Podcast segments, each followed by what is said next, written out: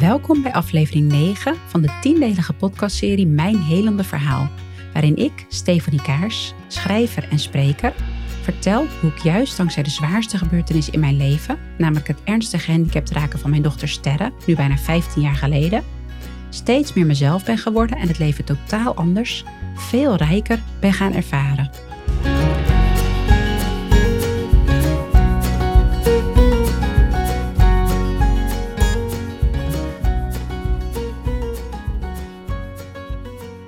Begin 2020 lees ik een tijdschriftartikel over de voor kinderen met CP nieuwe behandelmethode shockwave-therapie.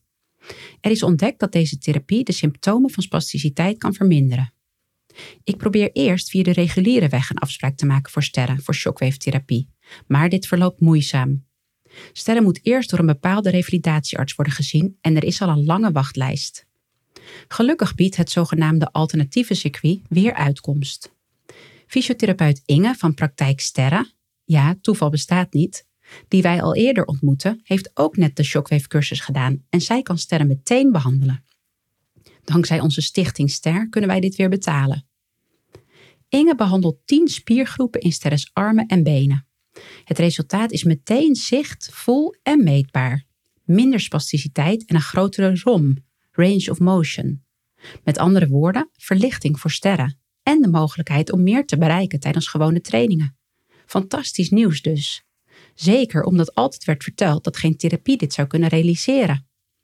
Voor ons is duidelijk dat we elke paar maanden naar Inge blijven gaan voor de shockwave-behandelingen. Op sterrenschool doet zich een nieuwe uitdaging voor. De juf van groep 7 zegt dat sterrencitotoetsen van spelling niet meer officieel mogen meetellen, omdat sterren woordvoorspelling heeft op haar spraakcomputer. Stel, Sterre moet het woord ambulance typen, ik noem haar iets, en zij typt ambu, dan verschijnen er al woordsuggesties op haar scherm waar de juiste schrijfwijze van ambulance bij staat. En dan hoeft Sterre niet meer zelf te beslissen of er bijvoorbeeld aan het einde van het woord een C of een S moet worden geschreven. De woordvoorspelling kan niet worden uitgezet, omdat de spraakcomputer een communicatieapparaat is. Dat is gemaakt om zo snel mogelijk te kunnen communiceren. Uiteraard willen Mark en ik dat sterrencitotoetsen van spelling blijven meetellen. Sterre wil zelf ook absoluut niet voor spek en bonen meedoen met spelling. Dus bel ik de helpdesk van Sterres computer met de vraag hoe we de woordvoorspelling misschien toch tijdelijk kunnen uitzetten. Na mijn uitleg blijft het even stil. Deze vraag hebben we nog nooit gehad, zegt de technische meneer dan. Officieel mag de spraakcomputer niet worden gebruikt voor onderwijs. En wat u nu vraagt is helaas technisch gezien ook niet mogelijk. Dus ik, dus ik kan u niet helpen, vervolgt hij. Dit maakt mij zo boos en verdrietig. Sterre heeft een gemiddeld IQ. Dat is laatst nog bewezen bij een IQ-test. En wij wonen in Nederland, waar je zou denken dat Sterre recht heeft op het volledige normale onderwijs. Maar dat is dus niet vanzelfsprekend als je ernstig lichamelijk beperkt bent. Maar ik geef niet zomaar op. Ik bel nog meerdere keren naar de helpdesk. En leg uit hoe belangrijk het is dat we toch een manier vinden waarop Sterre tijdelijk met haar ogen kan typen zonder woordvoorspelling. Gelukkig gaat de meneer van de helpdesk overstag. Hij logt op afstand in op Sterres computer en maakt een nieuw extra toetsenbord, waarop hij de vakjes waar normaal de woordsuggesties in verschijnen blindeert. Toetsenbord zonder woordvoorspelling noemt hij dit. Voortaan kan Sterren bij dictées en citotoetsen van spelling kiezen voor dit speciale toetsenbord en zo tellen haar resultaten weer officieel mee. Dit was een eenzaam gevecht, maar ik ben opgelucht over het resultaat. Met Rens bespreken we kort wat we meemaken. Hij heeft geen woorden nodig, maar ik vind het toch fijn om de laatste weken in een paar zinnen samen te vatten. Sterre heeft voor de zoveelste keer blaasontsteking gehad. Blaasontsteking is altijd agressie, zegt Rens. Sterres kracht neemt toe, maar vindt niet helemaal de juiste weg naar buiten. Hier gaat ze nog overheen groeien, zegt hij.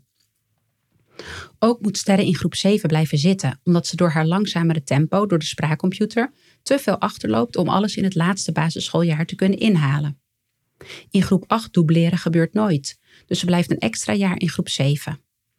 Fijn is dat er een groep 7-8 wordt gemaakt, dus Sterre blijft gewoon bij haar vriendinnen, die dan alleen aan het eind van het jaar afscheid nemen. Dit komt dus wel goed, dat bevestigt Rens ook. Maar vooral Mark had deze keer in aanloop naar de nieuwe afspraak met Rens veel last van het sterven, de bijverschijnselen voordat er vernieuwing optreedt. Hij was vier dagen zo duizelig dat hij in bed moest blijven liggen. Voor de vorm belde hij de huisarts, maar die kon er niets aan doen en de vijfde dag verdween de duizeligheid als sneeuw voor de zon.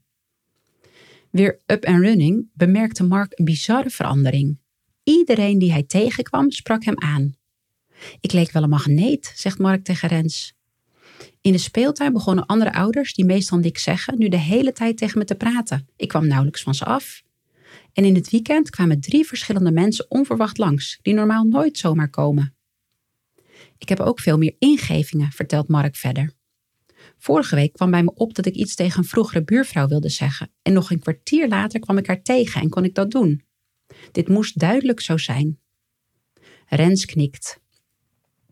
Ik merk dat Mark er letterlijk en figuurlijk veel meer is, zeg ik. Als de kinderen ruzie hadden, was Mark vaak opeens in de schuur, even aan het klussen, of hij was er wel, maar zat met zijn hoofd nog bij zijn werk. Nu is hij op een of andere manier veel vaker overal bij. Hij is meer aanwezig en ik hoef niet langer alleen de kastanjes uit het vuur te halen. Maar die duizeligheid die wij ombeurten hebben is wel heel heftig. Straks valt er nog eentje dood neer, besluit ik. Ik weet niet waarom ik het zo formuleer. En Rens gaat daar niet echt op in. Hij zegt alleen dat we goed gaan en doorgaan, richting nog meer vernieuwing.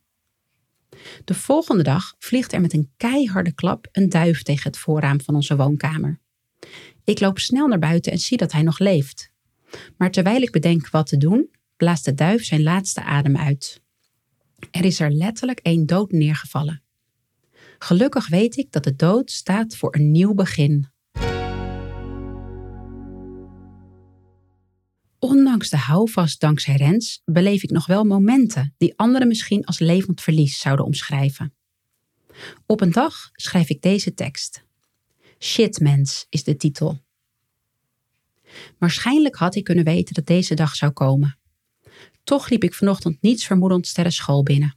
Ik duwde mijn dochter in haar rolstoel naar de klas. In de gang van groep 7 trok ik rustig, vrolijk zelfs, haar jas uit.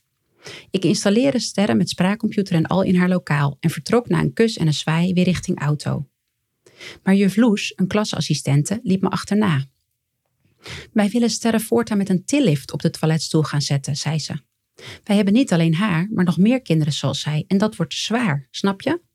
Ik wil het Sterren morgen vertellen, maar licht jou eerst even in. Eh, oké, dat vertel ik Sterren dan liever zelf. Ik zal het vanmiddag doen, antwoordde ik. Braaf, zoals het hoort, zoals het van me werd verwacht. En dapper liep ik opnieuw richting de uitgang van de school. Dapper, zoals het leven blijkbaar ook van mij vraagt en verwacht. Maar vrolijk, dat was ik niet meer. In de auto brak ik. Wat was er gebeurd? Waar ging het mis? Twaalf jaar geleden was ik, zogenaamd of niet, het is maar hoe je het bekijkt, blakend zwanger. Volgens mijn verloskundige verliep het prima. Geen vuiltje aan de lucht. Als ik mijn twijfels uitte, vertelde wat ik voelde, probeerde zij te ontzenuwen. Zij ademde het maakbare leven. Goed verliep het niet. Sterre moest drie kwartier na haar geboorte worden gereanimeerd en hield hersenschade over. Een fantastisch kind is het, met een ernstig beperkt lichaam. Een paar maanden na mijn bevalling volgde net zo'n dag als vandaag. De kinderneuroloog stelde vast dat Sterre spastisch is. Er stonden tien minuten voor dit diagnosegesprek. Genoeg, vond de arts ongetwijfeld. Twee dagen na Sterres geboorte had ze ons immers na een hersenscan al verteld dat Sterre hoogstwaarschijnlijk spastisch zou zijn. Ik had het dus kunnen weten. Maar er bestaan verschillende niveaus van weten, weet ik nu tot mij doorgedrongen, dat was het in elk geval nog niet. Dus kwam de diagnose als een mokerslag, omdat het te hard was. Van zogenaamd zorgeloos zwanger naar een zwaar spastische baby, die hoogstwaarschijnlijk nooit zou leren lopen en praten. Niet te bevatten. Ik denk terug aan een gesprek dat ik later had met een andere moeder. Zij heeft een volwassen dochter met ernstige beperkingen. Ze was lief, dat zeker. Toch zei ze ook iets dat me van streek maakte. Als ik twintig jaar geleden had geweten wat ik nu weet en ik kon kiezen, dan was mijn dochter niet geboren, zei ze. Een ander soort mokerslag. Bang en vertwijfeld zei ik haar gedag. Zou ik over twintig jaar hetzelfde denken? Laatst voerde ik weer zo'n gesprek. Deze keer met mijn buurvrouw Hanna. Het was de sterfdag van haar dochter. 24 jaar eerder overleed Jasmijn aan kanker. Vier jaar mocht zij worden. Ik las altijd dat je kindverlies het ergste is wat een mens kan overkomen, zei Hanna. Ik heb me daar lang tegen verzet, maar nu, na 24 jaar, besef ik dat het misschien toch waar is. Bam, Dat is de vierde klap, met die aankondiging van de tillift op school erbij gerekend. Ik heb me ook altijd verzet tegen de bewering dat cerebrale parese, sterres handicap, een levenslang rouwproces zou zijn en dat het het allerergste is als je kind blijvend beschadigd raakt. Bij ons kon het nog anders gaan, toch?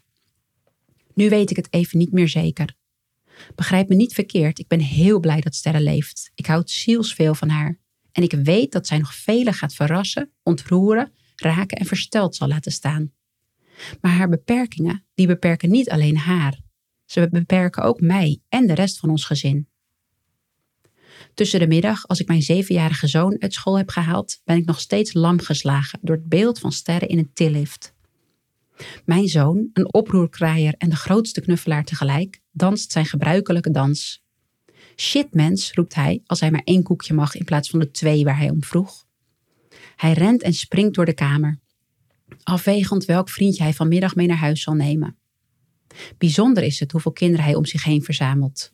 Van alle jongens uit zijn eigen groep 3 tot een possie buurkinderen uit groep 6. Ze willen allemaal bij ons spelen.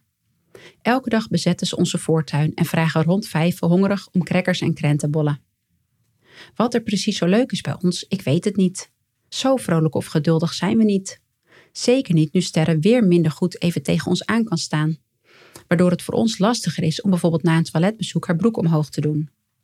Sterres hersenschade blijft hetzelfde, maar ze groeit en haar spastische spieren groeien ondanks alle therapieën niet snel genoeg mee. Daardoor verkorten de hamstrings en kuitspieren. Hierdoor kan ze functies verliezen, zoals de sta-functie. Als dat gebeurt, hebben wij thuis binnenkort ook een tillift nodig. Alles heb ik gedaan wat binnen mijn vermogen ligt, maar onder toeziend oog van God, de wereld en het leven heb ik niet kunnen voorkomen dat zij als elfjarige nu, eerst op school en straks misschien ook thuis, met een tillift vanuit haar rolstoel op een toiletstoel moet worden gehesen. Ik verlies het van de zwaartekracht. Ik verlies het van de groei. Ik verlies het van de handicap. Ik verdrink. Het tij heb ik niet kunnen keren. Heel bijzonder is dat ik de dag na het schrijven van deze tekst al geen verdriet meer voel. In plaats van dagen of weken in de schaduw van Sterres beperkingen te leven, kan ik meteen weer voorwaarts. Dit grote verschil met eerder is ontstaan dankzij ons proces met Rens. Ik heb mijn verdriet opgeschreven en de bron van het leven, met wie ik me meer verbonden voel dan ooit, heelt het meteen, zoiets.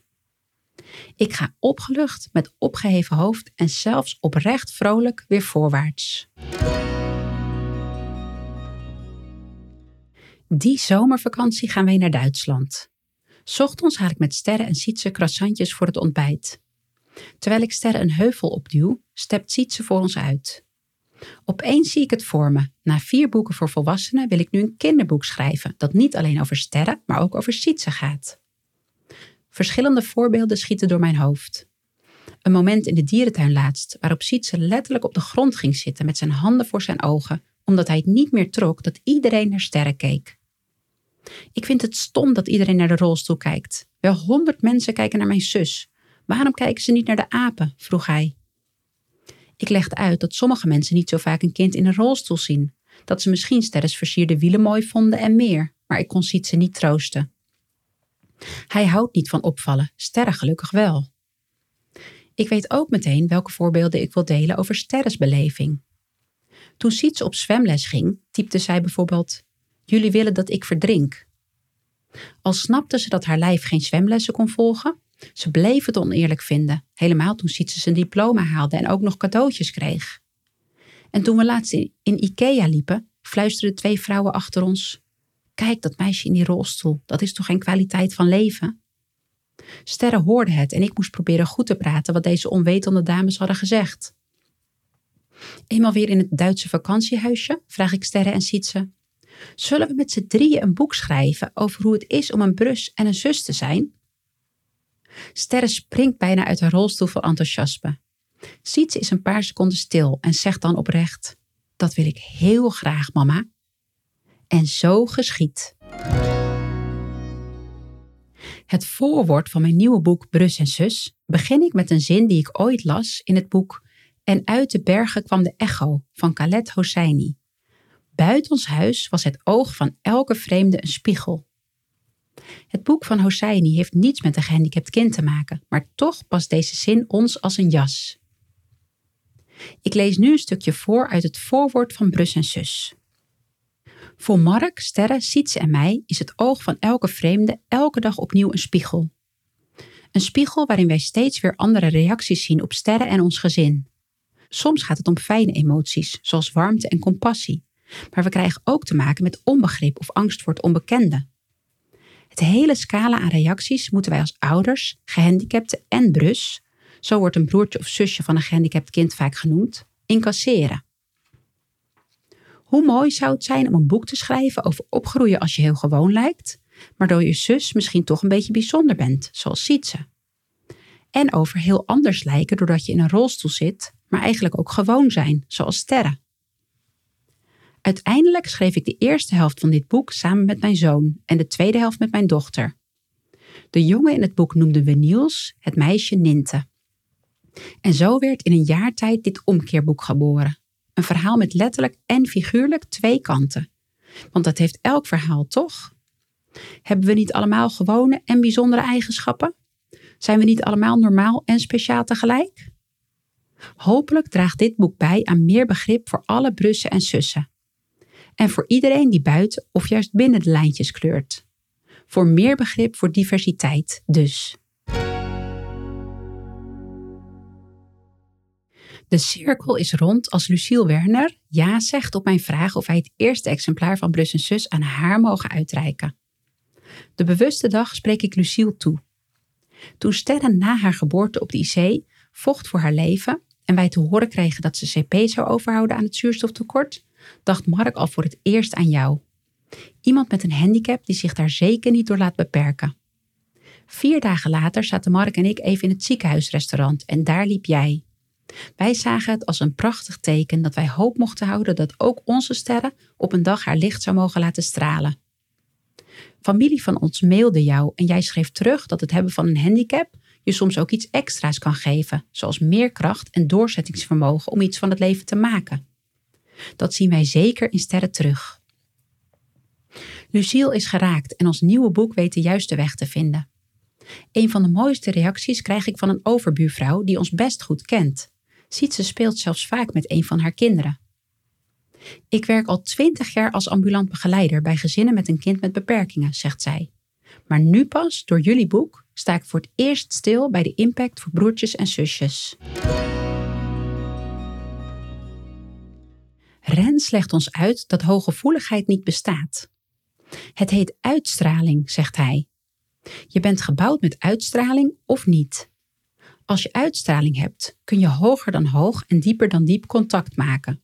Je hebt toegang tot hogere hoogtes en diepere dieptes. Daar word je mee geboren.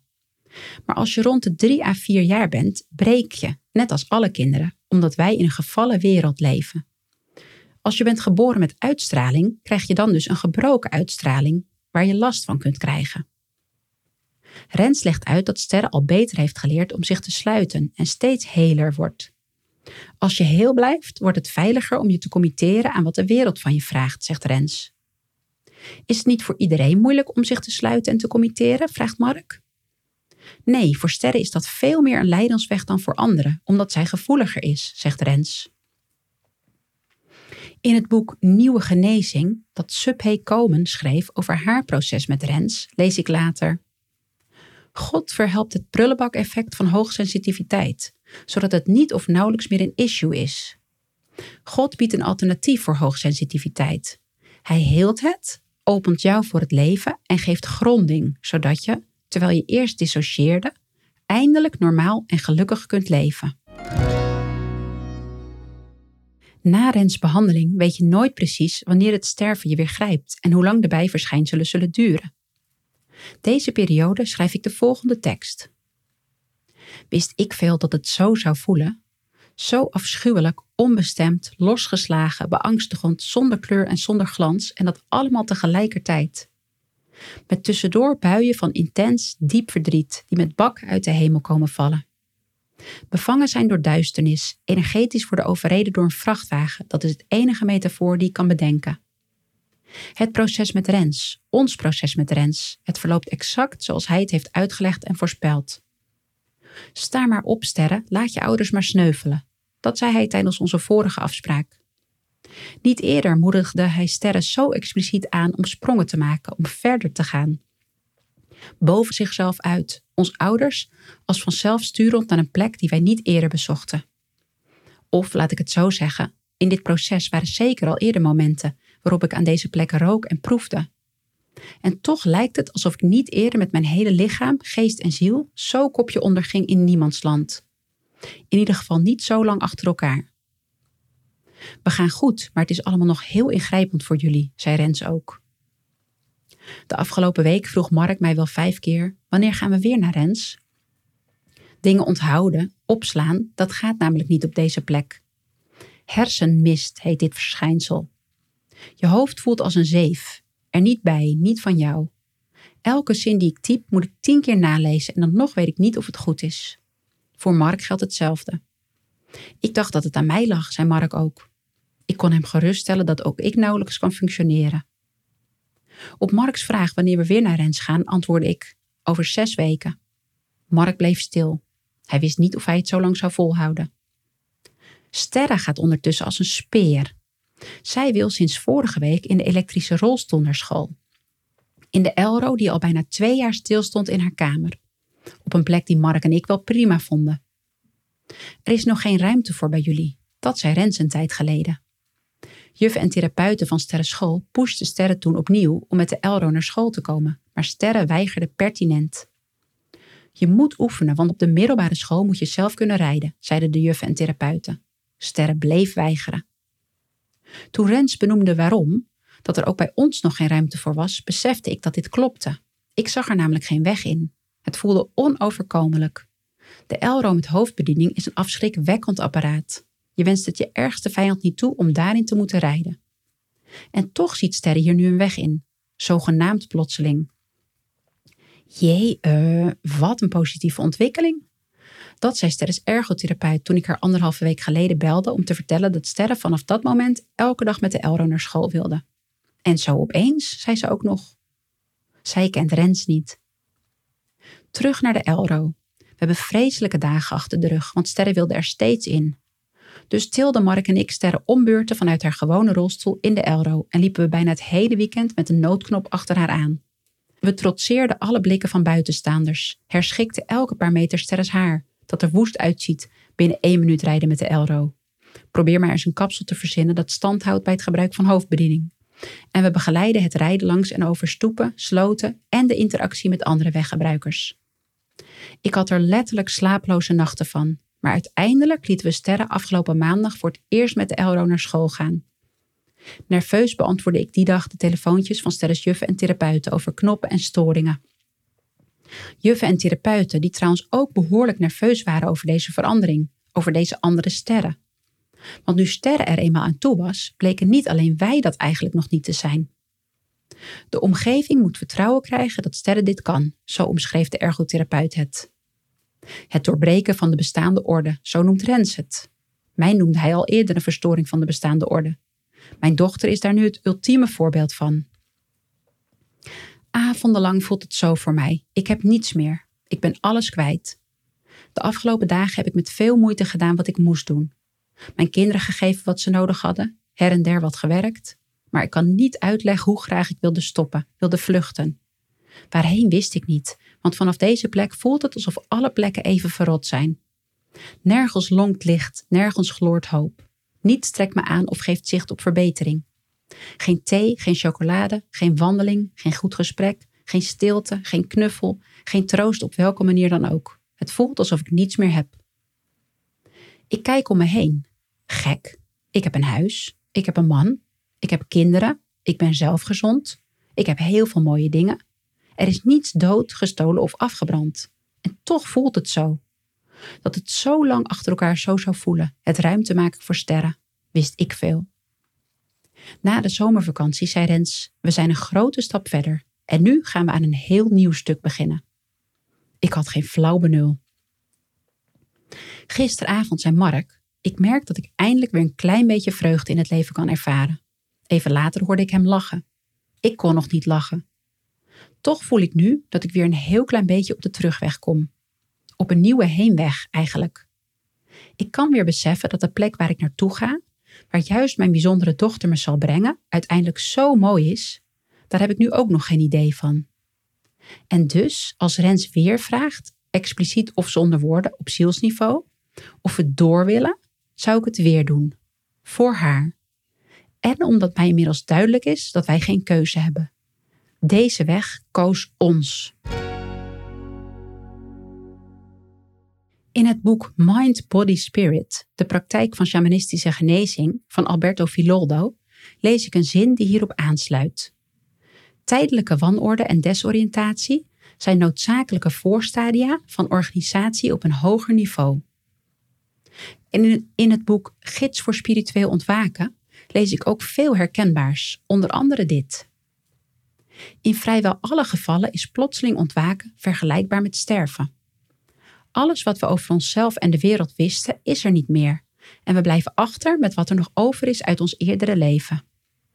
Vervolgens moeten we een nieuw leven opbouwen en creëren, dat daarna als gevolg van de volgende golf van ontwaken ook weer wordt afgebroken. Begrijpelijkerwijs verzetten veel mensen zich hier hevig tegen en willen ze fragmenten en bekende patronen uit hun leven behouden. We ervaren extreme emoties, boosheid, vijandigheid, angst tijdens dit proces. Wanneer het ontwaken zo plotseling verloopt, is de kans klein dat er een overgangsperiode is of dat we fysiek, mentaal of emotioneel stabiel blijven. Op mentaal en psychisch niveau veroorzaakt dit proces hersenmist, depressie, ongerustheid en angst, die gepaard gaat met het besef dat er iets zeer ongebruikelijks plaatsvindt. Op spiritueel niveau doen we diepgaande inzichten en kennis op.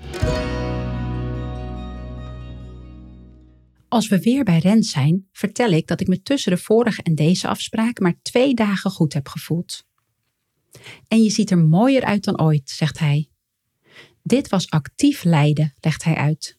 Ster staat op, daardoor worden jullie gescheiden van hoe je bent geworden. Dat is een soort rouw. Voor mij voelde het alsof ik achterna werd gezeten door vreselijke emoties, zeg ik. Dat klopt, niets in de natuur laat zich zomaar veranderen, zegt Rens. De natuur verzet zich. Je komt in hysterie terecht. Daar vecht je tegen en dan komen die gevoelens inderdaad achter je aan. Mark vraagt hoe lang dit nog duurt. Levenslang, zegt Rens. Je sterft en je wordt steeds opnieuw geboren. Maar er komt een soort basisniveau van zijn en dan gaat het geleidelijker. Als je zijnskracht voldoende is, meer gegroeid, dan word je het tegenovergestelde van wat je ooit dacht te zijn. Of je gaat het tegenovergestelde doen. Jij zat eerder overal bovenop, zegt Rens tegen mij, maar nu begin je meer los te laten. En Mark begint nu juist overal bovenop te zitten. Dat herkennen we. Na een gesprek op Sterren school laatst wilde Mark Sterren gaan verdedigen, terwijl ik alleen maar dacht: we hoeven niets te doen, het komt vanzelf goed. Het gaat goed, maar het is nog steeds ingrijpend voor jullie, zegt Rens. Maar wees in de war, dan kan de nieuwe orde komen. Volg de grondbeweging. Geen inzicht hebben is nu even goed. Niet doorrommelen over het oude, loslaten. Je wordt steeds schoner en dan komen er nieuwe dingen, andere lagen aan het licht. In het boek Ongetemd leven las ik laatst. Rouw is een kokon waar we nieuw uitkomen. Dat herken ik. Met Rens hebben we het ook nog over een fantastische gebeurtenis. Een paar weken geleden kleedde Mark Sterren ochtends aan en waren haar benen opeens niet meer spastisch. Ze voelde volkomen normaal. Mark en Sterre wisten niet wat ze meemaakten. Dit duurde ongeveer een minuut. Daarna voelde Sterres benen weer zoals wij gewend zijn. Dat was een spontane opening, er was ruimte, zegt Rens. Maar na even ging alles weer in de bestaande orde. Maar naar die staat van sterren gaan we wel toe. Wij hebben kippenvel. Er kan dus ineens ruimte ontstaan, waardoor de werkelijkheid anders is. Het is niet te bevatten, maar dat hoeft ook niet. Niet weten is hoger dan weten, zegt Rens. Vlak na deze afspraak droom ik dat ik sterren drinken geef, maar zij de beker van mij overneemt en zelf verder kan drinken. In mijn droom ben ik heel blij dat ze nog iets zelf kan. De volgende ochtend ben ik alleen vergeten wat dat was. De droom voelt zo kloppend dat ik er niet aan twijfel dat hij ooit bewaarheid wordt. Dit was aflevering 9 van Mijn Helende Verhaal. In aflevering 10, de laatste van deze serie, die aanstaande donderdag 7 december online komt, vertel ik verder hoe sterren en wij als gezin helen en veranderen. Dankjewel voor het luisteren. Laat alsjeblieft een review achter en abonneer je op deze podcast als je niets wilt missen. Hopelijk tot de volgende aflevering.